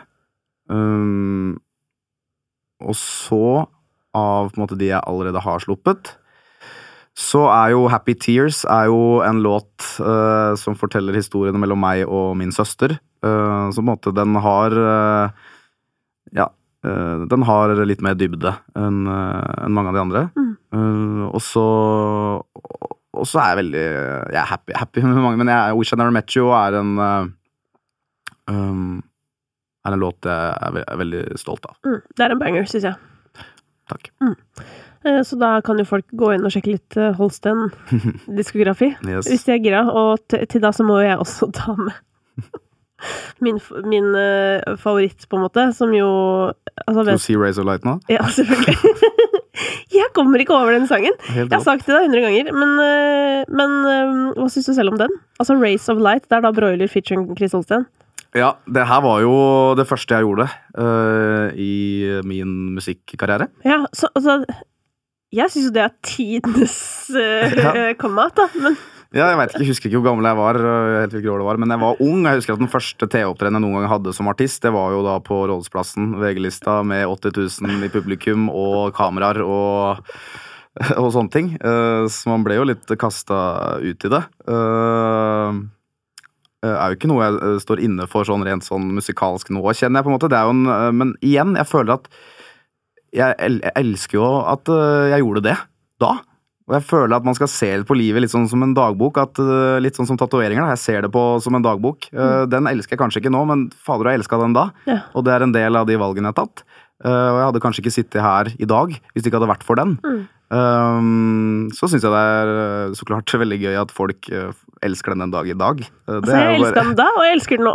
ja, det er jo helt topp. Det er jo, det er jo fest, liksom. Um, men uh, herregud, for en uh, tid det var òg. Ja, for jeg trodde lenge du skulle bli Altså sånn at det var veien din, på en måte. At vi kom til å høre deg gjøre masse Mm. uh, features på den type låter. Jeg vet ikke om du husker min aller første låt, men det var jo min første liksom, radio- Det var jo med deg. da. Layers. Ja, jeg husker Layers, ja. Og det, det, var, det var så viktig for meg å på en måte gjøre det litt motpolen. Mm. for at folk ikke skulle tenke at jeg var en EDM eh, sånn type artist som du da kanskje trodde at jeg skulle bli, da. Ja. At det var uh, Altså Layers òg, hvis du Altså, hører sånn det er noe galt med det. Det er ikke noe Nei. galt med det. Nei, men, det men for det min del ville. var ikke det jeg ville. Ja. Det er ikke noe galt med det, uh, men jeg ville ikke det. Og Layers òg handler jo om at det Altså Hvis du hører på teksten der, så, så skjønner du på en måte alt vi har snakka om nå. Mm. Eh, og det Altså, om ting kommer jo til å gi mening! Ja, og alt på en måte henger sammen. Layers handler om at jeg kommer hjem, og I'm losing all my layers. At uh, uh, man bare kommer hjem, og man kan bare ta av seg maska og bare være seg selv. Mm. Og det er på en måte litt sånn fasade på engelsk. rett og slett. Og det var også en uh, person Men det var viktig for meg da å gjøre noe som var litt mer dybde og litt mer mening i, etter en ja, si mer lettbeint EDM-låt. da. Mm. Nei, men jeg vil bare si at, eh, at for det første så er jo Race of Light en eh, bra låt i sin sjanger, men selv om du på en måte ikke ønsket å gå den veien, så skal du fortsatt vite at du har en veldig god vokal eh, til å være på toppen av den sjangeren. Så du er hjertelig velkommen tilbake. Ja, ja, nei, men altså, jeg er jo åpen for å gjøre det, og jeg, eh, så lenge jeg nå får på en måte fått mitt utspring av følelser og tanker gjennom min musikk, så, så er ikke jeg eh, negativ til å, til å gjøre ting som, som gjør meg happy, og, og, og slenge meg på Vet du hva som må skje? Jeg fikk sånn der, Nå fikk jeg ideen. Ja. Altså, du og Becky Hill skal gjøre duett på en sånn låt. Ikke sant? Ja, det er det som eh, må skje. Ja. Eh, og da er spørsmålet hvem skulle produsert den, på en måte. Altså hvem skulle gjort den eh, låta. Men, Mm. eh, og det er jo da Det kunne jo vært Joel Corey, ikke sant, i forkledning, Ja. på en måte. Jeg vet ikke, altså jeg vet ikke, jeg bare Han ble jo kjent fra sånn Hva ble han kjent fra? Jersey Shore eller et eller annet sånt? Nei. Jeg husker ikke helt hva som var uh, Nå må jeg sjekke det, for at nå sier jeg så mye jeg føler, Han er jo egentlig PT, tror jeg, eller noe. Og så var han med på et eller annet sånn realityshow, og så gjorde han jo den store hiten med MNIK, Mm, Head and Heart. Livets banger, syns jeg i hvert fall. Eh, og så slapp han en ny låt eh, nå her for litt siden med David Getta og, Ja, stemmer det. og hun derre Ray på vokal. Um, og skal vi se uh, Appearing on uh, et eller annet Geordie Shore? Ja, det er tydeligvis et um, Ja. Ja. Noe sånt noe. Men uansett, da. Uh, deg og Becky Hill. Ja, og det, altså, selv om jeg på en måte nå går norsk, så er jeg jo Vil jeg jo Altså, engelsken er jo alltid med meg. Ja. Og til og med på konserter så kommer jeg også til å synge begge språk. Altså, du må jo synge de andre sangene. Hvis ikke så blir folk dritsure. Nettopp. Hæ, skal du ikke synge Mexico? Altså, vet du hva, Jeg gikk inn på Spotify nå, så bare så jeg Mexico. Har jo nesten like mange streams som Viss Verden. Ja. øh, nå har visst verden vært ute i åtte måneder, da, og Mexico ute i øh, mange år. Men ja, den, den Folk ville ha det. den, Jeg visste ikke det. Øh, så Folk er rare, vet du. Det er det som er. mm, Altså, folk er rare. Altså, Hvorfor har du ikke hørt mer på Wish I Never Met You? Jeg skjønner, altså, Hva er det med folk? Ikke at det er noe gærent med Mexico, så, men bare sånn Nei, den, øh, jeg, er helt, jeg er helt enig med deg, og det svaret har jeg ikke. Jeg skulle ønske at uh, det var like mange som hadde hørt på Wish I Never Met You, men uh, det får ikke jeg styrt. Nei, nei. nei. Men uh, når er det du tenker å gi oss mer musikk på norsk, da? Nå skal det her endes opp i et album, Ja, du skal det. Ja, og jeg følte at det var litt sånn hvis Med Frida Anvik som gjest, eller? Eh, Nei. uh, vi har uh, Har dere avsluttet forholdet? Nei, det har vi ikke, men den ruller og går fortsatt, den, så jeg føler at uh... Fader, den er sånn kommer inn i topp 50 sånn halvhver dag. Ja, den, uh, den klamrer seg til topp 50, topp 50 sånn her. Ja. Nå har den jo ligget der nesten et år. Det er dere og Dagny som ingen uh, ende vil ta. Nei, så det har jo vært eh, helt vilt. Du vet at, eh, altså Jeg vet ikke om dine lyttere vet det, men eh, den låta begynte jo med deg. Ja, den gjorde faktisk det. Så, Ja, jeg vet ikke om Nei, men jeg vet ikke hva folk vet, ja, men den Samme hva den begynte med, for den endte i hvert fall. All, over, all over the place. jo, jo. Men den begynte jo med at jeg skulle uh, på P3 Kristine Ja. og gjøre en cover. Og da ville jeg ha med meg Frida, fordi det hadde vært med på Hver gang møtes. Og jeg ville gjøre en norsk oversettelse av en låt jeg syntes var kruttsterk. Det var sånn det begynte. Ja, og det var faktisk veldig spesielt, for det var veldig sånn Det var et spesielt øyeblikk. Jeg har jo noen sånne øyeblikk fra den jobben Mm. hvor jeg kan huske på en måte at uh, jeg har reagert ganske sånn sterkt på, på coverne. Mm. Og de gangene det har skjedd, så har det jo Altså, jeg burde egentlig blitt A&R, føler jeg. Ja. på en måte, For at jeg Det er ganske, ikke krisemeldt, det. Akkurat det der er jeg ganske god på å forutse, faktisk. Ja. Eh, og det har liksom skjedd Det har skjedd uh, noen ganger at det Mm. har liksom virkelig smelt i etterkant, da. Og det, altså dette her var jo jeg, Der tror jeg dere liksom traff Altså én ting var jo at dere traff Folk er sånn der 'Å, det ble koronasangen', og eller sånn, Det vet jeg ikke, det kan godt hende det ble det, men for min del så handlet det på en måte mer om at det var et på en måte musikalsk lykketreff, føler jeg. Altså sånn det klaffet veldig godt med dere to. Det var jo veldig mange ting som kl- klaffa med den. da. Ja. Det var jo litt sånn det var, men vi skrev jo uh, vår versjon uh, lenge før vi visste hva covid-19 var. Ja. Uh, denne opptredenen var jo også før covid-19. Mm. Um, men det var jo mer det at den låta fikk en litt sånn annen uh, betydning når man plutselig følte at verden raste sammen. Ja. uh, at man sang om det. På ekte. Uh, på ekte, faktisk. Og, og sånne ting. Så, og jeg tror folk syns det kanskje var Jeg tror kanskje ikke folk hadde forventa en, en Chris og Frida Åndevik-duett. Nei. At det på en måte var litt sånn shocking Mm. uh, og uforventa. Og det digger jeg òg. Det er litt som Katastrofe og Maria Mena nå. Nettopp. Helt uh, konge. Ja. Um, så Og jeg Det var jo mer fordi at jeg ble så fascinert av Fridas måte å skrive og formidle på. Mener jeg hun er en av de beste uh, Ja, men hva er det med hennes her. måte å skrive på som, som skiller seg fra andres? Jeg vet ikke, det, bare, det treffer meg på en helt annen måte. Um, og når henne synger, så uh, Ja, det, det bare det, det vrir seg på en helt annen måte enn hva, det, hva jeg opplevde tidligere. Mm. Um, og hun har en formidlingsevne som, som jeg ikke klarer å sette ord på eller vet hva hun gjør. Det er bare jeg tror på hvert eneste ord hun sier. Um, og det er noe fint med musikk, fordi musikk er ikke alltid det å synge finest, synge lysest, synge renest. Uh, til syvende og sist er det de beste låtene er de med, med mest mening og som artist liksom formidling er liksom viktigere enn å, å egentlig synge uh, rent. Mm. Uh, det er jo det musikk handler om. Um, så ref liksom autotune, det disk diskusjonen, på en måte. Ja. Uh, hvor på en måte det er litt sånn Bruker du det selv? Nei, aldri gjort. Nei, du Uh, bruker ikke tune på konserter heller. For det, nei, det, det her veit ikke folk, vet du. At, at artister Jeg vet det, og jeg vil bare Jeg, vil bare, jeg skal ikke igjen, uh, ref sitte stille i båten, og gjør jo ikke det. Men uh, jeg bare føler at autotune gjør jo litt det som kanskje VAR gjør for fotballen, da, hvis det er noen fotballfans der ute. At den gjør den perfekt, men er det på en måte det vi vil ha? Hva er var? VAR er, ikke sant? Det er et helt nytt uh, dømme... Altså, det, blir, det er jo videodømming i fotball nå. Ja. Så når man scorer et mål, så kan man ikke feire, for du vet ikke om det var noen ja, må se millimeter. om det var altså, noe må se om det var noe gærent. Ja. Uh, og da eh, er du på en måte Ja, uh, det blir mer perfekt. Det er mer riktig mål enn hva det kanskje hadde skjedd for ti år siden, Mm. men du mister hele sjarmen. Du mister hele liksom, feiringkonseptet, du mister liksom hele liksom Og litt det føler jeg det gjør. Uh, og vi alle vet at autotune kan brukes som en effekt og de tingene der. Jeg bare føler at for mange også uh, yngre artister at det også er en, en trygghet. Mm. Uh, og nå har jeg også uh, Ja, jeg bare Min smak er at det For meg så er det ikke det at det låter perfekt, som jeg alltid liker. Jeg, jeg savner å høre litt de der tonene som skjærer litt ut, eller liksom den ektheten, den råheten. Um, og at det ikke liksom skal være så pitch perfect, da. Mm. Samtidig så tror jeg ikke du utvikler deg selv som vokalist du hele tida vet at du kan synge med autotune heller. Det er en annen sak, men uh... Ja, for det, det, er bare for å forklare, da. En ting er jo på en måte artister, altså type uh, hiphop, uh, R&B-artister, mm, som bruker det som en del av lydbildet, vil jeg si, da. Um, det opplever jeg som Det er på en måte én kategori, for meg i hvert fall. Og så har du det andre som er eh, popartister, som på en måte synger helt fint, men som allikevel legger på en, en slags eh, tuner, eller hva det heter, mm. som gjør at eh, hvis de synger bitte litt surt, så vil da det komme rent ut på andre siden. Ja. Uh, og det, det som er med autotune i dag, kontra for uh, 10-20 år siden, er at uh, du hører det nesten ikke.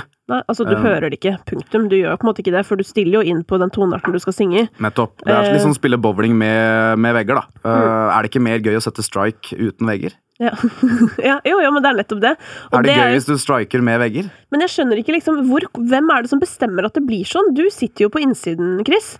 Altså, Hvor kommer det fra? Er det liksom plateselskapet? Er det de som på en måte pusher det? Er det artisten selv?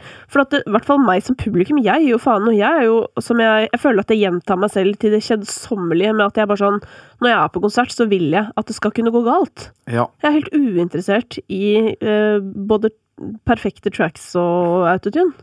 Ja, nei, altså, jeg vet ikke hvor på en måte det begynner. Jeg tror det ligger litt Det blir en sånn følgegreie hvor Hvis du eksempel gjør sånn nedstrippa greier, da. Si eh, P3 Live uh, med gitar, og hvis på en måte noen uh, gjør det med tune, uh, så hører man veldig forskjell på den med tune og den uten tune. Mm. Og så blir det litt at du, du safer at du vil at det skal høres like perfekt og fint ut, da. Mm. Um, men hvor, det, hvor, det, hvor den kommer fra Jeg tror det ligger mye hos, hos deg selv.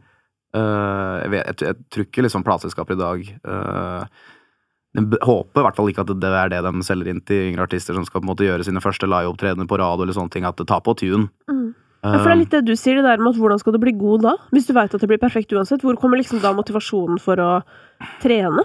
Ja, um, det er jo noe med det. Um, Så Det syns jeg var så fint på, på The Voice, så ga Ina Wroldsen en sånn tilbakemelding til en han som gikk ut. mm, Og så sa hun sånn derre Jeg måtte bli over 30 år før jeg fant stemmen min. mm, Sånn jeg synger i dag, liksom. Og det syns jeg var så fint, for da var jeg sånn Tenk hvor mye hun har øvd. Altså, hun har jo sangtimer hele livet, eller har alltid hatt det og har det fortsatt.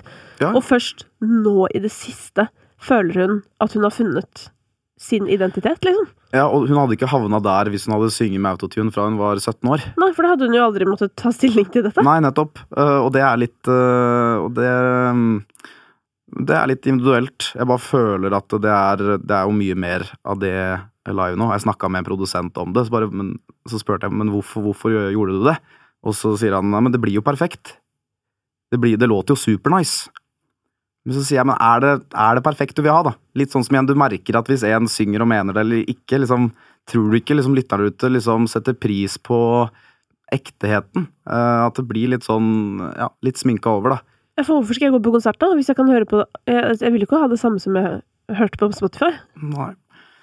Um, så ja, det er jo en, det er jo en evig diskusjon, det. Ehm, men uh, kanskje det er en bølge, kanskje ikke. Jeg tror, jeg tror nok dessverre at den har kommet litt for å bli. Uh, for den har blitt såpass sånn at det, man hører det ikke heller. Det er ikke som eh, når folk hører T-Pain, at folk hører at det er autotune der. Nå så blir på en måte de vendingene det blir, De er mye smoothere. Du hører det nesten ikke. Den bare hjelper deg litt inn. Eh, og du trenger egentlig ikke å synge eh, Ja. eh, ja, nei, ja. Ja, det, det er veldig interessant. Altså. Det er Ja, jeg tenker liksom ofte på, på det der, men det gjør jo på en måte at det gjør jo at det begynner å bli en ganske sånn stor valuta å bare ha en spesiell stemme. For du trenger ikke å kunne nødvendigvis bruke den helt fantastisk. Nei, jeg bare håper at folk som bruker det, også på en måte vil bli bedre til å synge, og også ha på en måte det i seg. At det kanskje er en, en del i en startfase hvor det på en måte Hvis det er litt usikkerhet eller på en måte sånne ting, at man heller bruker det som en litt sånn hjelp og en push i starten. Mm. Uh, rett og slett. Jeg har jo hørt det Jeg satt, Vi gjorde jo P3 live hos deg fra jeg var liksom 19-20 år. Jeg hører på tilbake noe, det her er jo liksom surt og sånne ting, men jeg elsker jo det. Mm. Og så hører jeg på en måte de seinere som på en måte eh, i mine ører er på en måte mer pitch perfect, da. Ja, altså det, er, det der finnes det jo en rekke eksempler på. Jeg husker da Maria Mena sang live på starten av karrieren sin. Eh, og det var jo ofte litt shaky, på en måte. Og nå er det bare sånn Altså, det er jo på en måte uh, Hva skal jeg si? Perfekt med en edge. Altså sånn Jo. fordi Altså, det har blitt så jævlig bra, da, men likevel så er det den spesielle Mm. live-følelsen, da. Nettopp. Og det er jo forskjell på innspilling og live. Det er bare det jeg vil at Jeg bare føler at mange av de som de ehm, unge freshe nå vil at det skal høres så likt ut som innspilling som mulig, da. Mm. Uh, og det er helt topp å liksom uh, bli nerdespråk, men sitte liksom i melodien og få alt liksom pitch perfect og liksom perfekt på, på plate. Ja. Jeg bare uh, Jeg tror ikke det er det et livepublikum vil ha, da. Eh, jeg tror det er De vil at du skal Selv om du synger en lang tone og sprekker midt i tonen og går av scenen etterpå og tenker Shit, der dreit jeg meg ut. Så tror jeg bare folk tenker yes. Digg Ja. eh, å høre. I hvert fall nå i en verden hvor mye kanskje da er liksom Det er mye dubs på tracks, det er mye ting på tracks. Også på et øh, Også på fest, de store festivalscenene. Mm. Um, man kan på en måte gjemme seg bak veldig mange ting, da. Uh, så tror jeg altså folk setter pris på at det er, det er ekte. Det tror jeg også. Det tror jeg også, og jeg Altså, nå er det bare Nå er det sånn fire dager til den nye sangen din kommer ut. Ja. Eh, og jeg er skikkelig spent på Altså, jeg merker at jeg blir spent på responsen på dine vegne etter den praten vi har hatt eh, i dag. Eh, og så tenker jeg også at veldig mange kommer jo til å høre på den og bare høre på den og liksom ikke tenke noe mer over det. Eh, men til deg som hører på nå, nå må du gå og høre på den på nytt. Etter denne praten. Ja, nå får den kanskje en annen mening enn når du hørte den kjapt på vei til jobben, Øh, kanskje. Ja. Uh, når man på en måte vet litt mer. Jeg vet ikke, Så du videoen? Nei, ikke sett den. Nei, ikke sant. Uh, for det er jo en musikkvideo der som, uh, som jeg føler er uh, Det hjelper å ha en sånn visuell greie på det. Ja. Det er jo med meg og en liten gutt og under vann og sånn, som på en måte forsterker også på en måte låta. Uh, så den uh, Se den, du. Og så Jeg tror jeg ikke er ute 15. Nei, den er ikke ute, nei. Nei, men, ok. nei, men når den kommer, da. Da sjekk den ut. Sjekk den ut. Eh, og Chris, du er hjertelig velkommen tilbake. Altså, vi kan jo snakke litt mer når du er ferdig med albumet ditt og sånn.